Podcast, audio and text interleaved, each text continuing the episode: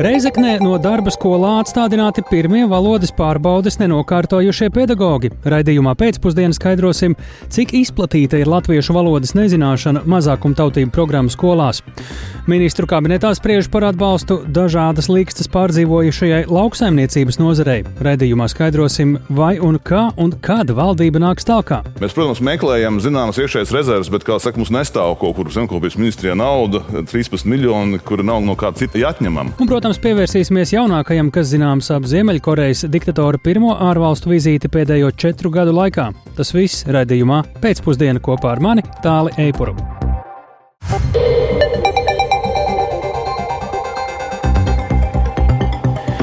Pūkstens rāda 16,5 minūtes, skan pēcpusdienas ziņu programma, skaidrojot šodien svarīgus notikumus. Studijā tālāk Eipurs. Labdien! Pēc valodas pārbaudēm no darba atstādināti seši pedagoģi. Tā noticis Reizeknes otrajā vidusskolā pēc valodas, valsts valodas centra veiktām latviešu valodas pārbaudēm. Tas ir līdz šim lielākais konstatēto pārkāpumu skaits Latgalē mazākumtautību izglītības iestāžu vidū. Atstādināto vietā darbā jau ir pieņemti citi pedagoģi un mācību process tādēļ nav cietis. Skolas direktoram satraukumu par situāciju nav un arī Reizeknas izglītības pārvaldē uz pārbaudēm raukās pozitīvi. Un tajā piebilst par kādu valsts valodas centru satraukušu tendenci. Izglītības iestādēs, uzzinot par valodas centra pārbaudēm, Viena daļa pedagoģu aiziet no darba vai atver slimības lapu. Plašāk Lauras Ieviņas sagatavotajā ierakstā. Pārbauda sākas 24. augustā. Apmēram 50 pedagoģi jau pārbaudīti, 6 pedagoģi atstādināti. Valsts valodas centra valsts valodas lietojuma pārbaudes Reizeknas otrajā vidusskolā noslēdzas šodien. Par tās rezultātiem stāsta skolas direktors Igors Sergejevs. Pieciem izbeidzam darba attiecības pēc pušu vienošanās, un viena tikai atstādināta līdz trim mēnešiem. Ja? Piecam pedagogiem vajag vēl pārbaudi iziet. Kā vienu no iemesliem, kāpēc pedagoģi neizturēja pārbaudi, Igors Sergejevs min uztraukumu. Divi no sešiem ļoti labi runāja latviešu valodu, bija pārbaudas mācību gada laikā. Tur nekādas problēmas nebija. Bet četriem skolotājiem, nu jā, vajadzētu latviešu valodas zināšanas labāku. Šobrīd astoņiem otrās vidusskolas pedagogiem ir darbnespēja. Situāciju komentē pilsētas izglītības pārvaldes vadītājs Arnolds Drelings. Slimības lapas valsts valodas var būt, ka problēmu dēļ pēc direktora informācijas tādi ir trīs, četri pedagoģi. Nevaram jau mēs tur zināt, kāpēc paņemta ir slimības lapa. Ja? Jāpiezīmē, ka pēc valsts valodas centra informatīvās vēstules izsūtīšanas par plānotajām pārbaudēm Reizeknes otrajā vidusskolā darba tiesiskās attiecības, nesagaidot pārbaudes, izbeidza 13 pedagoģi, informē centra valodas kontrolas reģionālās nodaļas vadītājs Vilnis Kušķis. Pieļauju, ka apstākļi varētu būt dažādi, kā arī iespējams daži no pedagogiem nav vēlējušies veikt šo valsts valodas lietojumu pārbaudi. Reizeknas pilsētas izglītības pārvaldes vadītājs Arnolds Drelings gan norāda, ka pedagoģu rotācija pilsētā kopumā esot liela.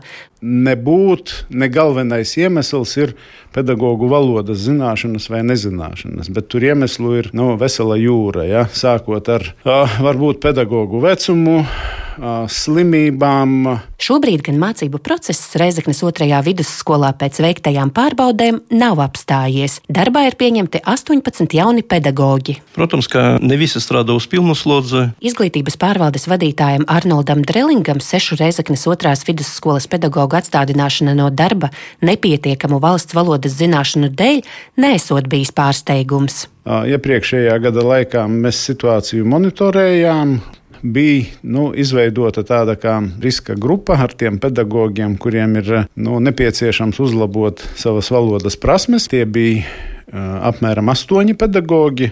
Jāpiezīmē, valsts valodas centras pārbaudes Latvijas izglītības iestādēs, kurās līdz šim bija mazākuma tautību programmas, uzsāka augusta beigās. Citu vietu pārkāpumi nav konstatēti. Viennozīmīgi gan tāpēc šobrīd nevar apgalvot, ka visiem pedagogiem ir labas zināšanas. Jo ir jau jāsaprot, ka piemēram tiklīdz izglītības iestāde uzzina par to, ka tiks veikta valsts valodas lietojuma pārbaude, tad arī notiek šo pedagoģu mainība.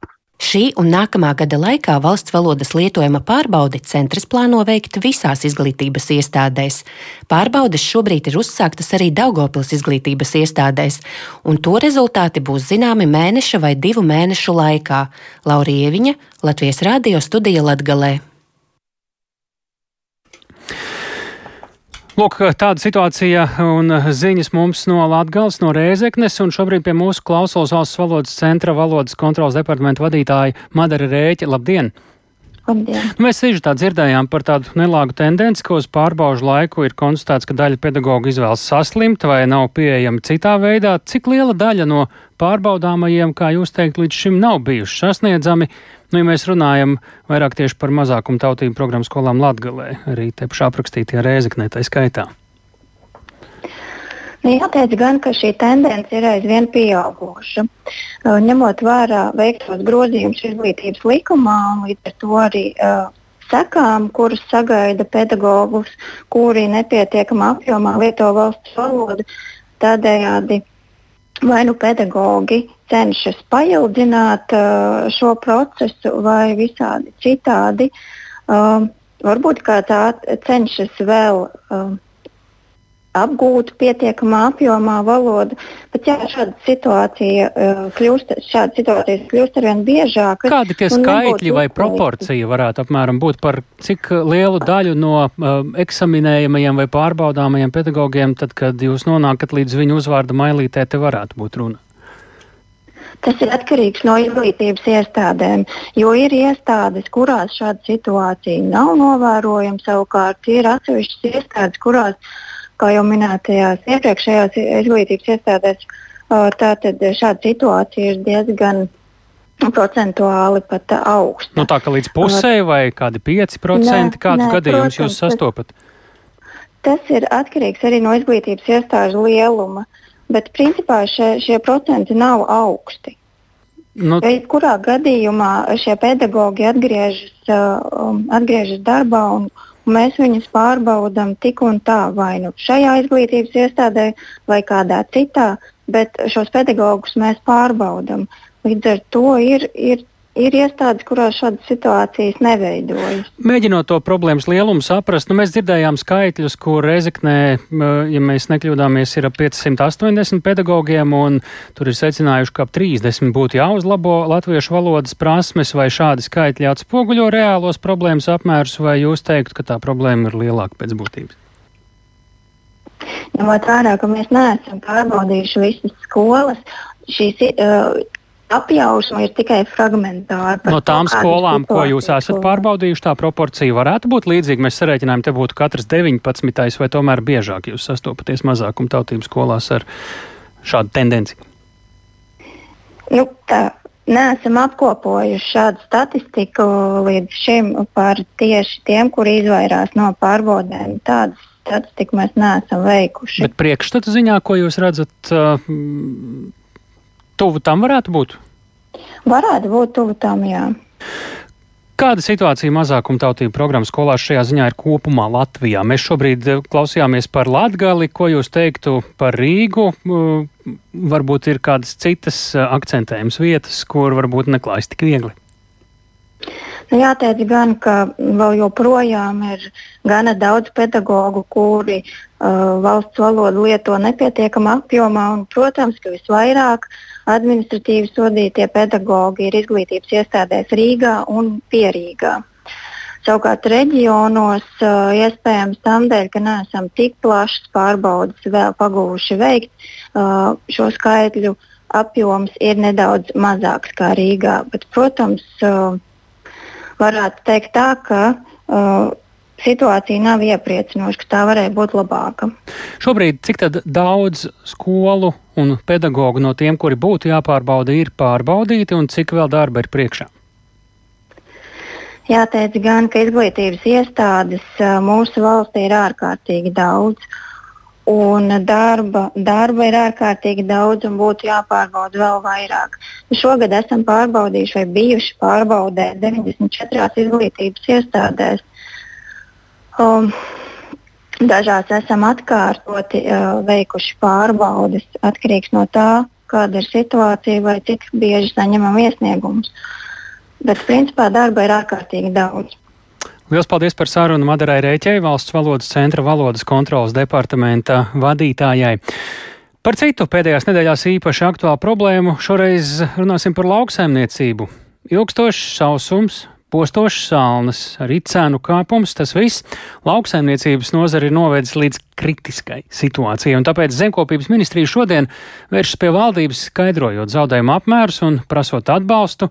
Eh, kas teikts ministrijas informatīvajā ziņojumā, un kas šobrīd visvairāk satrauc lauksaimniekus, un vai viņi var cerēt uz palīdzību no valdības, to skaidroja kolēģi Agnija Lāsdiņa. Sveika, Agnija! Kā tu teiktu, cik nopietna situācija lauksaimniekiem šobrīd ir? Labdien! Jā, tātad ilgstošais sausuma periods, kas Latviju piemeklēja no aprīļa līdz jūnijam, esot radījis neatgriezeniskas un nopietnas sekas visām lauksaimniecības nozarēm, it īpaši ganāmo māju audzēšanā un piena lopkopībā, kur un uh, gaļas lielo audzētāju biedrības sniegtā informācija liecina, ka šī gada augustā gaļas lielo audzētāji ir spējuši sagatavot barību tikai 40% apjomā no vajadzīgā daudzuma. Tāpat pavasarī Latvijas augļu kopi ievēro ievērojami cieta no pavasara salnām, un Latvijas lauku konsultāciju centrs un valsts augu aizsardzības dienests pēc apsekošanas secinājuši, ka cietušas ir 284 saimniecības un 2413 hektāri augļu kopības platību, kas aizņem aptuveni 23% no kopumā deklarētajām augļu kopības platībām. Tāpat arī mežam un meža apsaimniekošanai šis gads iezīmēs ar ievērojamiem sausuma bojājumiem, meža stādījumiem pavasarī, egļu astoņzobumu izgraužu izgraužu bojātām un iznīcinātām egļu audzēm, kā arī vētras nopūstītām un bojātām mežaudzēm skartajās teritorijās. Tāpat arī lauksaimniecības nozara šogad saskaroties ar lielām ražošanas resursu cenām. Un, līdz ar to, pamatojoties uz zemkopības ministrijas datiem, kopējie lauksaimniecības nozares zaudējumi šajā gadā veido 412 miljonus eiro, un vislielākie zaudējumi ir tieši piena, lopkopības un graudkopības nozarēm, un tam tad attiecīgi seko arī pārējās nozares. Šobrīd, ko tad mēs varam teikt, kas ir šajā ziņojumā lasāms, uz ko tas šobrīd aicina valdību, ko tas konstatē? Kā risinājums ir vissmagāk skartajām nozarēm novirzīt Eiropas komisijas ārkārtas finansējumu, kas jau ir piešķirts šī gada jūlijā, un atbalsta apmērs ir 6,8 miljonu eiro. Un kā Latvijas televīzijā šorīt norādīja zemkopības ministrs Digis Šmits no apvienotā saraksta, tad šī esot tāda reize, kad Latvija ir daudz labāk paveicies Briselē, jo no Eiropas komisijas esot saņemts divreiz lielāks finansējums nekā pienāktos. Tostarp komisija komisija lēma ne tikai piešķirt šos 6,8 eh, miljonus eiro, bet arī deva dalību valstīm tiesības to papildināt ar iespēju piešķirt papildu valsts atbalstu, nepārsniedzot 200% no piešķirtās summas. Un paklausīsimies, ko tad skaidro pats Šmits. Bet mēs nevaram arī kavēties, jo 6,8 ir jāsadala un līdz septembra beigām komisija jāinformē, kur mēs viņus ieguldām. Pretējā gadījumā mēs ar to varam pazaudēt. Mēs, protams, meklējam zināmas iekšējas rezerves, bet, kā saka, mums nestāv kaut kur zemkopības ministrijā nauda, 13 miljoni, kura nav no kāda cita jā, jāatņemam. Un tas ir tas, varbūt, kur es negribu nevienu lamāt, ja, bet, manuprāt, ja mums ir budžetā sadaļa līdzekļu neparedzētiem gadījumiem, tad, manuprāt, tas gads, kāds bija šogad lauksainīcībā, patiešām ir neparedzēts gadījums. Arī lauksaimniecības organizāciju sadarbības padomes valdes priekšsēdētāja vietnieks Jānis Irbe Latvijas radio uzsvēra, ka valsts papildu finansējums ir ļoti būtisks. Paklausīsimies viņa teikto.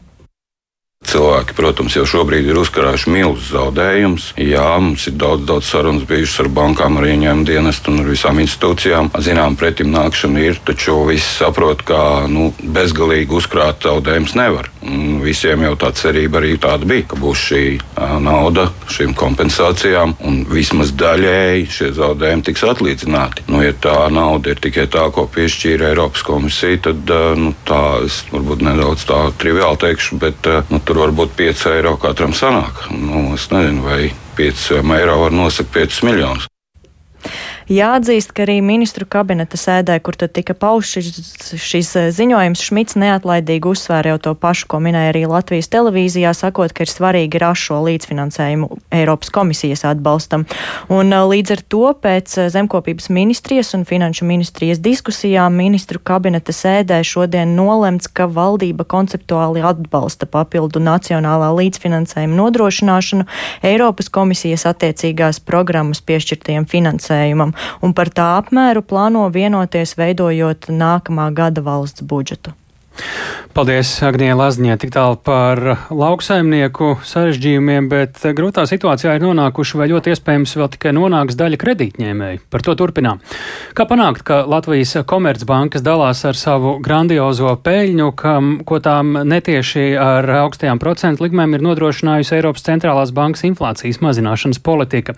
Ko darīt, lai kredītņēmēji, kuriem procentu likmju kāpuma dēļ atdot aizņēmumus kļūst arvien grūtāk, izmisumā piemēram, nepamestu valsti, bet gan saņemtu kādu atbalstu. Par to šodien diskutēja Saimnes tautsēmniecības, agrārās vīdes un reģionālās politikas komisijā, un deputāti uzklausīja arī izvērstu Latvijas bankas ziņojumu par kredītņēmēju stāvokli, kā arī centrālās bankas ieteikumus, kā situāciju uzlabot. Klausāmies Zanes Eniņas ierakstā.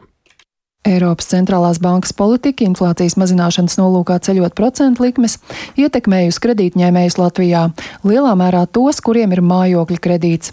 Kā liecina Latvijas bankas analīze, ap 70% šo kredītņēmēju ikmēneša maksājumi pieauguši vidēji par 90 eiro mēnesī, kas nav uzskatām par ļoti lielu summu. Taču 13% mājasaimniecību, kuras aizņēmušās no bankām un izjūt arī inflācijas slogu, kļuvušas finansiāli ievainojamākas. Galvenokārt Savukārt, tad, ja kredīti ir salīdzinoši lieli un ņemti pēdējos trīs gados, kā arī tad, ja ģimenē ir vairāk bērnu vai arī kāds no pieaugušajiem nestrādā. Ja saima nesteigsies izdomāt veidu, kā grūtībās nonākušos kredītņēmējus atbalstīt, tie Latviju pametīs. Tā savukārt deputātus brīdināja Latvijas kredītņēmēju asociācijas vadītājs Jānis Āboliņš. Pie kā mēs nonāksim? Mēs nonāksim pie tā, ka cilvēki jau runā, ka pēc 3, 4, 5 mēnešiem, tad, kad nāks lielie šie komunālo pakalpojumu maksājumi, viņiem būs jāatlaiž darbinieki. Un, diemžēl Latvijā tas protesta veids, vislabākais protesta veids, nu, tas visbiežākais, kas ir, šī brīdī cilvēki nevar nopelnīt, cilvēks atlaidīs no darba ir čemodāni, lidosta, un mēs braucam projām. Latvijas banka uzskata, ka kredītņēmēja situācija Latvijā ir unikāla, jo nekur citur Eiropā nesot tik daudz kredītu ar mainīgu procentu likmi. Citur izsniegt aizdevumi ar fiksētu likmi. Tas nozīmē, ka procentu likmju svārstības absorbē pati banka. Taču Latvijas komercbankas mērķtiecīgi veidojušas tādu aizdevumu politiku, lai kredīti ar fiksētu likmi būtu neizdevīgāki. Tā norādīja Latvijas bankas eksperts Uldis Rutkaste. Komercbankas tomēr nesot atsaukušās Latvijas bankas aicinājumam būt sociāli atbildīgām un pretīm nākošām grūtībās nonākušajiem klientiem. Tāpēc Latvijas centrālās bankas ieteiktā politika joprojām ir ieviest 20% uzņēmumu ienākumu nodokļu avansa maksājumu bankām, kas nākamgad valsts budžetā ļautu iegūt papildus 150 miljonus eiro. Latvijas bankas nostāja izraisīt diskusiju deputātu vidū. Piemēram, opozīcijas deputāts no partijas Latvija pirmajā vietā Ainārs Šlesers aicināja atlaist Latvijas bankas vadību valdība, ja tā ir tik nevarīga. Tas, kas jautājums, Eiropas banka paziņo kaut kādus nosacījumus, kur ir mūsu nacionālās intereses, kāpēc mēs neaizstāvam to Latvijas pozīciju. Mums ir svarīgi to viedokli noformulēt šeit tautsemniecības komisijā un nostāties nacionālā biznesa interesēs, un tā skaitā arī to cilvēku interesēs, kas ir ņēmuši šos kredītus, hipotekārus un tā tālāk. Patreiz vienkārši tas viss tiek runāts, atņemsim naudu no bagātajiem un atdosim nabagajiem. Ar to mēs tiešām stimulēsim tikai aizbraukšanu no šīs valsts. Deputāts Andris Kulbergs no apvienotā saraksta savukārt aicināja kredītņēmēju atbalstam izmantot no plānotā banku uzņēmumu ienākumu nodokļu avans maksājumu iegūto naudu.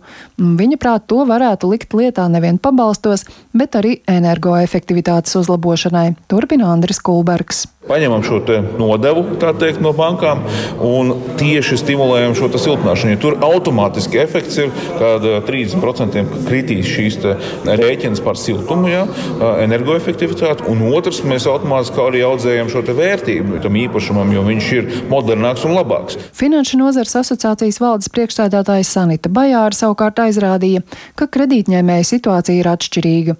Visiem nederēšot vienas zāles, tāpēc viņa aicināja grūtībās nonākušo nolēmušos vērsties pie sava aizdevēja un meklēt individuālus risinājumus. Zana Eniņa, Latvijas radio. Tikai 2% Latvijas iedzīvotāju sevi pieskaita turīgajam sabiedrības slānim, bet 41% uzskata sevi par vidusslāni. Turklāt eh, šis rādītājs tieši par vidusslāni pēdējos gados ir samazinājies. Tā liecina Svetbanka Finanšu institūta aptaujas dati. Redījumā labrīt mani kolēģi par aptaujas rezultātiem Svetbanka Finanšu institūta ekspertei Evijai Kropā jautāja, ko īsti nozīmē vidusslānis, kas eh, ļauj sevi tādam pieskaitīt un kā cilvēki paši vērtē savu un citu turīgumu. Tas arī bija tas, ko mēs mēģinājām aptaujā iedzīvotāji izzināt, proti, kādas ir iedzīvotāju pašu domas par to, kādiem kritērijiem jāatbilst vidusslānim piedarošam Latvijas iedzīvotājiem. Nu, tad, tad sākām ar ienākumiem un iedzīvotāju prātī ienākumi, no kuriem uh, ie, vidusslānis skaitās uz vienu mājasemniecības locekli ir aptuveni 1250 eiro. Ja? Un šis cipars vidējais, kas ir izvilkts no iedzīvotāju atbildēm, pēdējo četru gadu laikā ir palielinājies te uz pusi, jo 2019. gadā vēl teica, ka nu, tādām uz vienu mājasemniecības locekli būtu jābūt 850 eiro. Nu, tad, ja pamodelē situāciju, pieņemsim, ka tā ir četru cilvēku mājasemniecība, nu, tad pieciem tūkstošiem uz rokas tādai mājasemniecībai būtu jābūt. Tas ir pēc iedzīvotāju vērtējuma. Bet savukārt, ja paskatās uz centrālās statistikas datiem, cik daudzi šādas ienākumus pelna, nu, proti, mēs pieņēmām, ka šādai četrai uh, personu mājasemniecībai nu, divi ir strādājoši pieaugušie. Nu, tad, katram 2500 uz rokas būtu jāpelna. Nu, tad pēc statistikas datiem tādu iedzīvotāju, kas pelna šādu algu, mums ir krietni zem 10%. Un es teiktu, ka tīri statistiski pēc ienākumiem tas jau nedaudz raksturo turīgos iedzīvotājus. Bet tajā pat laikā, kad runa ir par kritērijiem, nu, kā tad dzīvo vidusslānis, nu, ja mēs nerunājam par to, cik pelna, bet varbūt kas ir tas, kā vidusslānis ikdienā jūtas, ne, kā, ko viņš patērē, ko dara, jā, kā domā.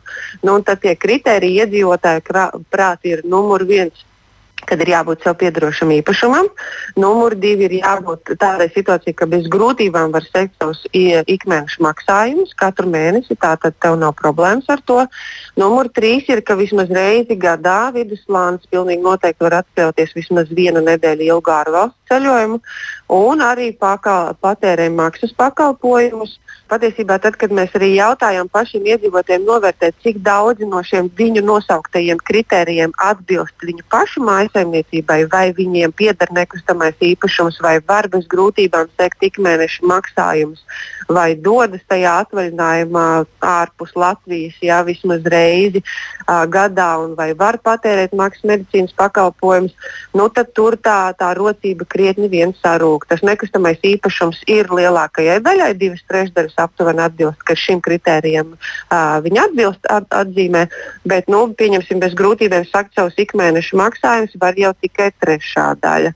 Uh, medicīnas pakalpojumus atļaujas viena ceturtā daļa uh, aptaujāto, un ārvalstu ceļojumā dodas un brīvi katru mēnesi tērē dažādiem vēlamiem maksājumiem, nu, tēriņiem tikai piektā daļa. Tā Svetbanka Finanšu institūta ekspertē sarunā ar kolēģiem Mārtu Skoju un Kristofu Feldmanu raidījumā Labrīt, bet nu par tiem, kam būs jārisina gan lauksaimnieku, gan kredītņēmēju problēmas, gan valodas prasmes un citi jautājumi. Šodien noskaidrojies, ka ir gatavs topošās valdības deklarācijas melnraksts, un zināms, ka rīt to paredzēts apspriest ar sociālajiem partneriem, lai jau piekdien saima varētu lemt par jaunās valdības apstiprināšanu. Tiesa, ministru portfeļu sadalījumu premjera amatam nominētā Evika Siliņa no jaunās vienotības trīs dienas pirms gaidāmās valdības apstiprināšanas aizvien vairās atklāt. Par valdības veidošanu vairāk Jāņa Kīņš ierakstā. Valdības deklarācijas melnraksts esot te pabeigts un to drīzumā paredzēts publiskot. Līdz vēlai pēcpusdienai tas gan nav noticis, bet trešdien par valdības deklarāciju notiks apspriede ar uzņēmēju un darba devēju organizācijām, Arotbiedrību savienību, Pilsoniskās alianses un Latvijas pašvaldības savienības pārstāvjiem. Premjera amata kandidāte Evika Siliņa no jaunās vienotības sagaida papildinājumus valdības darbu plānam. Es tikai varu apliecināt, ka šajā deklarācijā fokus būs uz cilvēku un skaidrs, ka ir ļoti svarīgi jautājumi gan par ekonomiku, gan par izaugsmi, gan par veselību, izglītību un drošību, bet eh, bez Latvijas cilvēkiem mēs neko nevarēsim izdarīt. Deklarācijā ietvertie virzieni būšot pamatā rīcības plānam, kas vēl taps pēc valdības apstiprināšanas. Šie dokumenti atspoguļos vairākas būtiskas vērtības un uzdevumus, uzsvēra progresīvo viens no līderiem Andris Šuvājevs. Nākamās valdības deklarācija būs eiropeiska, ziemeļnieciska, atspoguļos iekļaujošu valdības pieeja attiecībā uz svarīgākajiem izaicinājumiem, kas šobrīd valstī ir. Mūsuprāt, tie saistās ar cilvēktiesību regulējumu kas saistās ar Stambulas konvencijas ratifikāciju. Tie ir jautājumi par mūsu saistībām klimata un vidas jomā. Šī deklarācija atspoguļo arī uzsvaru attiecībā uz ienākumu nevienlīdzības samazināšanu. Vienlaikus par atbildības jomu sadalījumu jaunajā valdībā aizvien turpinās diskusijas. Zināms, ka jaunā vienotība atbildēs par astoņiem amatiem valdībā, Zaļo Zemnieku savienība iegūs četru ministru un saimas priekšsēdētāju amatu, bet progresīvie saņems trīs ministru portfeļus. Pēdējās dienās notikušās neformālās sarunas par amatu sadali vēl nav pabeigtas, un par sarunām izskanējušas dažādas versijas. Tomēr, kā piebilst Evika Siliņa, valdības sastāvā lieli pārsteigumi nebūtu gaidāmi. Pēcpusdienā ZZS frakcija vienojās, ka amatiem virzīs savus apgabalu līderus, kur izturējuši saimas vēlēšanu sietu. ZZS kandidāti konkrētiem amatiem ir skaidri, un par šo izvēli viņi informēs premjeru amatam nominēto Siliņu. Līdz tam ZZS saimas frakcijas vadītājs Viktors Valēns konkrētus pretendentus atsakās nosaukt. Mēs arī šos vārdus tomēr atļaujamies paturēt tomēr šo kā tādu iekšēju valdības veidošanas procesu sarunu un tomēr valdību veido premjera amata kandidātu, un mēs negribam iet ar kādiem paziņojumiem. Tas attiecās arī uz pozīciju par saimnes priekšstādātāju, protams. Paredzēts, ka saimā balsojums par valdības apstiprināšanu notiks piekdien, 15. septembrī. Jānis Kincis, Latvijas Radio. Bet nu par divām nedemokrātiskām valstīm, kur valdības sastādīšana labu laiku nav bijusi īpaši aktuāla problēma. Bruņu vilciens ar totalitārās Ziemeļkorejas līderi Kimu Čenunu šorīt iebraucis Krievijā, kur šonedēļ gaidām Krievijas un Ziemeļkorejas līderu tikšanās. Precīzs tikšanās laiks un vieta vēl nav zināma. Taču plašāka informācija izskanējusi par apspriežamo tēmatu loku. Lai uzzinātu jaunāko informāciju par gaidāmo tikšanos, esam sazinājušies ar mūsu kolēģi Rihardu Plūmi. Sveiks, Rihards, saki, kas līdz šim zināms par Ziemeļkorejas un Krievijas līderu tikšanos? Jā, labdien! Nu, tas, kas pašlaik ir sakāms, ir tas, ka ir zināms, ka Ziemeļkorejas līderis Kims Čanuns ir ieradies Krievijā un par viņu ierašanos tur arī šorīt vēstīja Dienvidkorejas aizsardzības ministrija, tieši tā bija pirmā, jo tā to vēstīja vēl pirms Krievijas propagandas medijiem.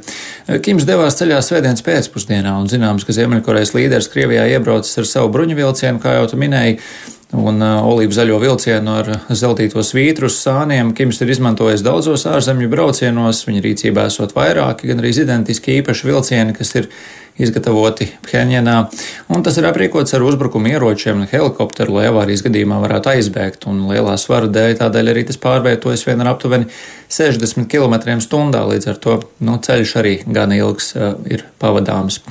Uh, tātad līdz uh, Krievijai un vēl arī pašā uh, Krievijā.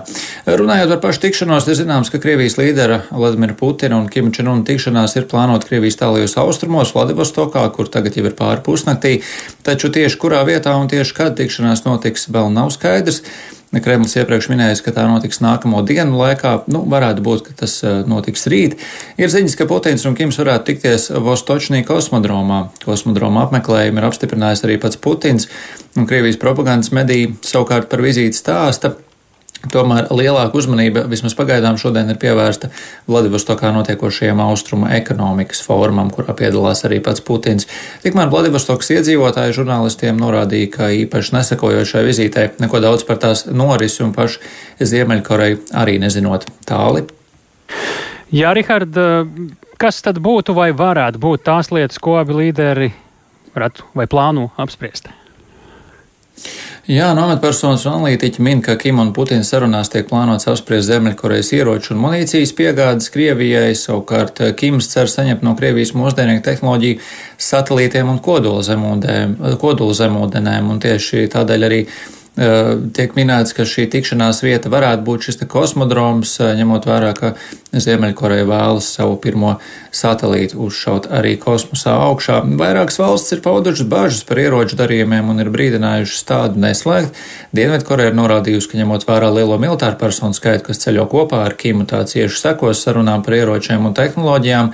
Vizītē cieši seko arī Japāna, ASV, citas valstis. Un ASV jau brīdināja Krieviju un Ziemeļkoreju, ka jebkuri mēģinājumi piegādāt Maskavai ieročus novadīs pie jaunām amerikāņu sankcijām, un Francija tikmēr šodien izteikusies, ka šī vizīte apliecina un norāda uz to, ka Krievija ir starptautiski izolēta šobrīd. Jāsaka gan, ka, lai gan tiek uzskatīts, ka ieroči būs um, Krievijas un Ziemeļkorejas līderu saruna galvenā tēma, tomēr diezgan augstu darba kārtībā sagaidāms, ka būs arī humanā palīdzība Ziemeļkorejai, Covid-19 pandēmijas dēļ Ziemeļkoreja saskars ar nopietnu pirmās nepieciešamības, nepieciešamības preču trūkumu, sākot ar pārtiku un beidzot jau arī ar medikamentiem. Tāli. Paldies, Rihārd!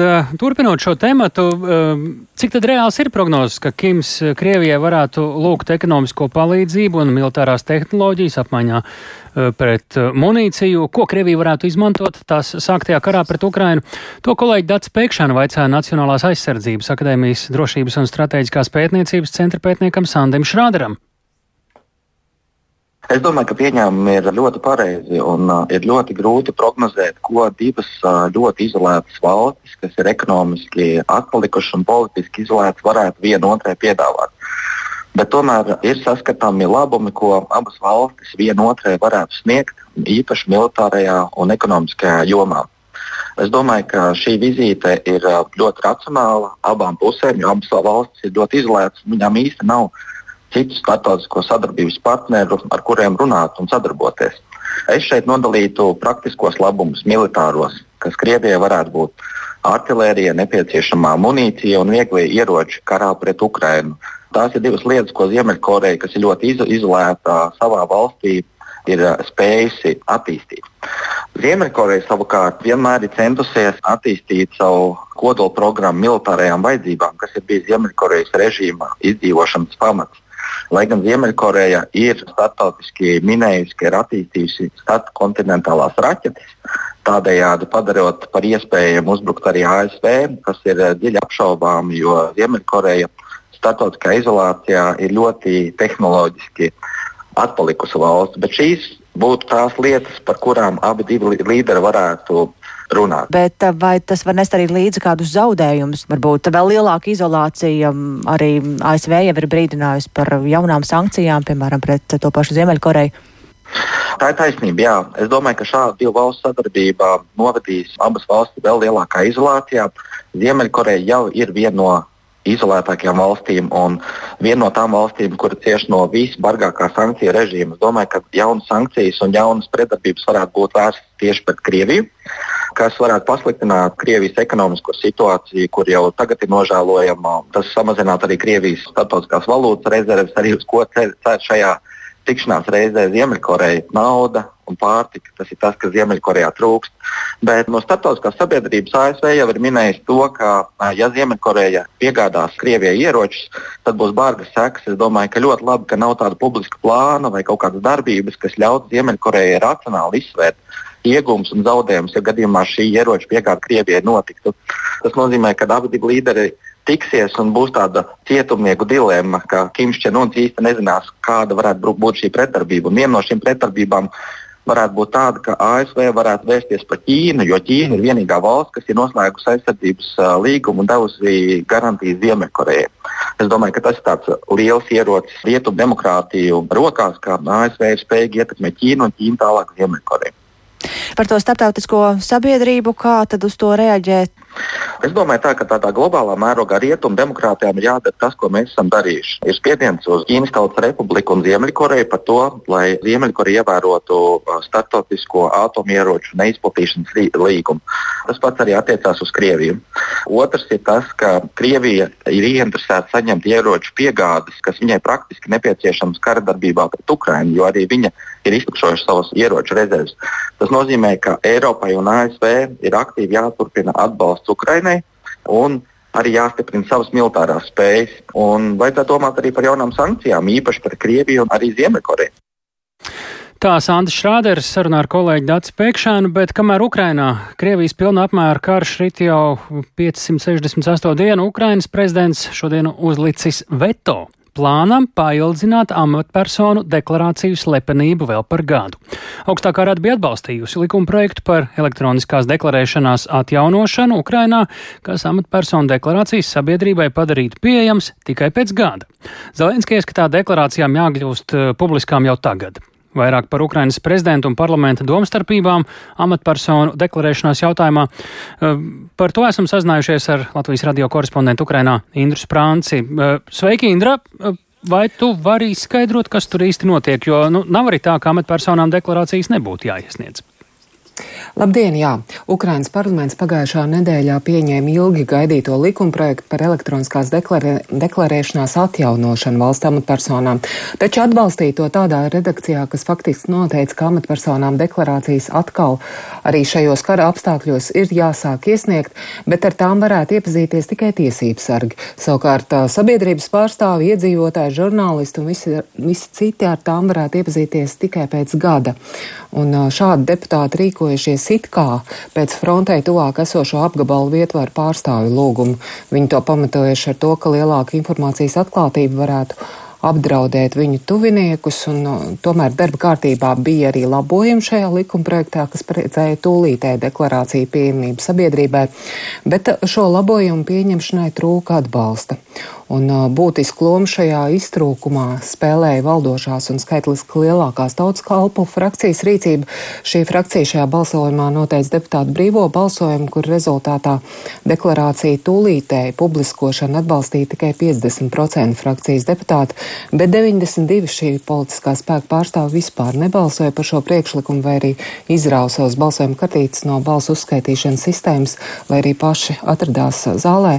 Rezultātā parlaments atbalstīja atbalstīja redakciju, kurā deklarācija publiska pieejamība būtu pieejama tikai pēc gada. Un uz to ir re reaģējis prezidents Zelenskis šodien apturot šādu likumprojektu spēkā stāšanos, respektīvi atgriežot to atpakaļ izskatīšanai parlamentā. Paklausīsimies Zelenskis sacīto заветував прийнятий Верховною Радою закон, в якому були обмеження. Veto ir uzlikts augstākās radas pieņemtajam likumam, kurā bija noteikti elektroniskās deklarēšanas ierobežojumi. Es domāju, ka visi lieliski saprot šī veto iemeslu. Deklarācijām jābūt atklātām tūlīt, ne pēc gada, bet tagad ir jāatver reģistrs. Jā, tagad šis likumprojekts nonāks atpakaļ parlamentā, un Zelenskis sagaida, ka tas tiks grozīts, paredzot tūlītēju deklarāciju atklāšanu, un ka šie grozījumi tiks pieņemti ātri. Tālāk. Jā, Indra, tagad kā sanāk, ar to viss ir izlemts un deklarācijas publiskos, vai arī šis ir tikai tāds sākums kādai Zelenska un parlamenta pretstāvē? Citiem vārdiem, kāda ir vai varētu būt tagad augstākās radas reakcija? Par to šobrīd ir pāragri spriest. Kā jau minēju, deklarācija publisku pieejamību šobrīd neatbalstīja gan nozīmīga daļa paša prezidenta partijas biedru parlamentā, gan arī citu frakciju deputāti, tajā skaitā arī tādi, kur vārdi ir figurējuši saistībā ar aizdomām par kādiem koruptīvu raksturu pārkāpumiem. Vienlaikus šis likumprojekts tiek uzskatīts par vienu no nozīmīgākajiem eiro integrācijas likumprojektiem Ukrainas ceļā uz iestāju Eiropas Savienībā. Un uh, Ukrainas šobrīd patiešām ļoti cenšas izpildīt visus nepieciešamos mājas darbus un pielāgot visus likumus, lai durvis uz Eiropas Savienību tiktu atvērtas un Ukraina varētu sākt sarunas par pievienošanos. Šajās dienās bija arī vērojams liels spiediens uz Zelē Zelenski, lai viņš šo likumprojektu atgrieztu atpakaļ, uzliktu veto likumprojektam. Viņi aicināja gan dažādas nevalstiskās organizācijas šādi rīkoties, gan arī Eiropas parlamenta deputāti, un tika uzsākt arī parakstu vākšana petīcijai, ar kuru prasīts prezidentam rīkoties, un petīcijā, kuru parakstījuši vairāk nekā 25 tūkstoši ukraiņu, bija norādīts, ka slēpjot valsts amatpersonu deklarācijas, sabiedrības pārstāvjiem tiek atņemts instruments amatpersonu darbības pāraudzībai un arī galvenais aizsardzības līdzeklis pret korupciju kara laikā. Paldies, Indra. Šis temats uh, nekad nebeigs būt aktuāls Ukrainā, kamēr uh, nebūs būtisku, progre, būtiski vērojams progress tieši pretkorupcijas cīņā. Paldies Indrai Sprancei, mūsu Latvijas radio korespondentei Ukrainā tiešraidē no Kīivas Indra ziņoja, bet uh, vēlreiz īsumā par svarīgāko. Atlaistie un atstādinātie mazākumtautību skolu skolotāji Rēzekne iezīmē plašāku problēmu ar valodas pārbaužu rezultātiem.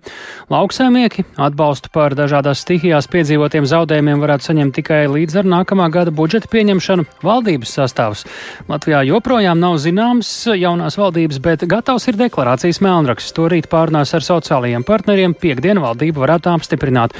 Un Kims Čenons Ziemeļkorejas līderis ieradies Krievijā savā pirmajā ārvalstu vizītē četru gadu laikā, lai ar Krievijas diktatori runātu visticamāk par ieroču piegādēm kara tapšanai, turpināšanai Ukrainā. Šis bija ziņu redzējums pēcpusdiena. To veidoja Tāls Eipurs, Kārlis Dagilis, arī Kaspars Groskops un Mārtiņš Paeglis. Ziņu redzējumu pēcpusdienu pavisam noteikti varat noklausīties savērtā laikā, vietā un veidā Latvijas radio mobilajā lietotnē. Tas pieejams arī visdažādākajās raidierakstu platformās, meklējiet dienas ziņas. Mēs tiekamies kā katru darba dienu pēc ziņām 4 un 5 pēcpusdienā. Yeah.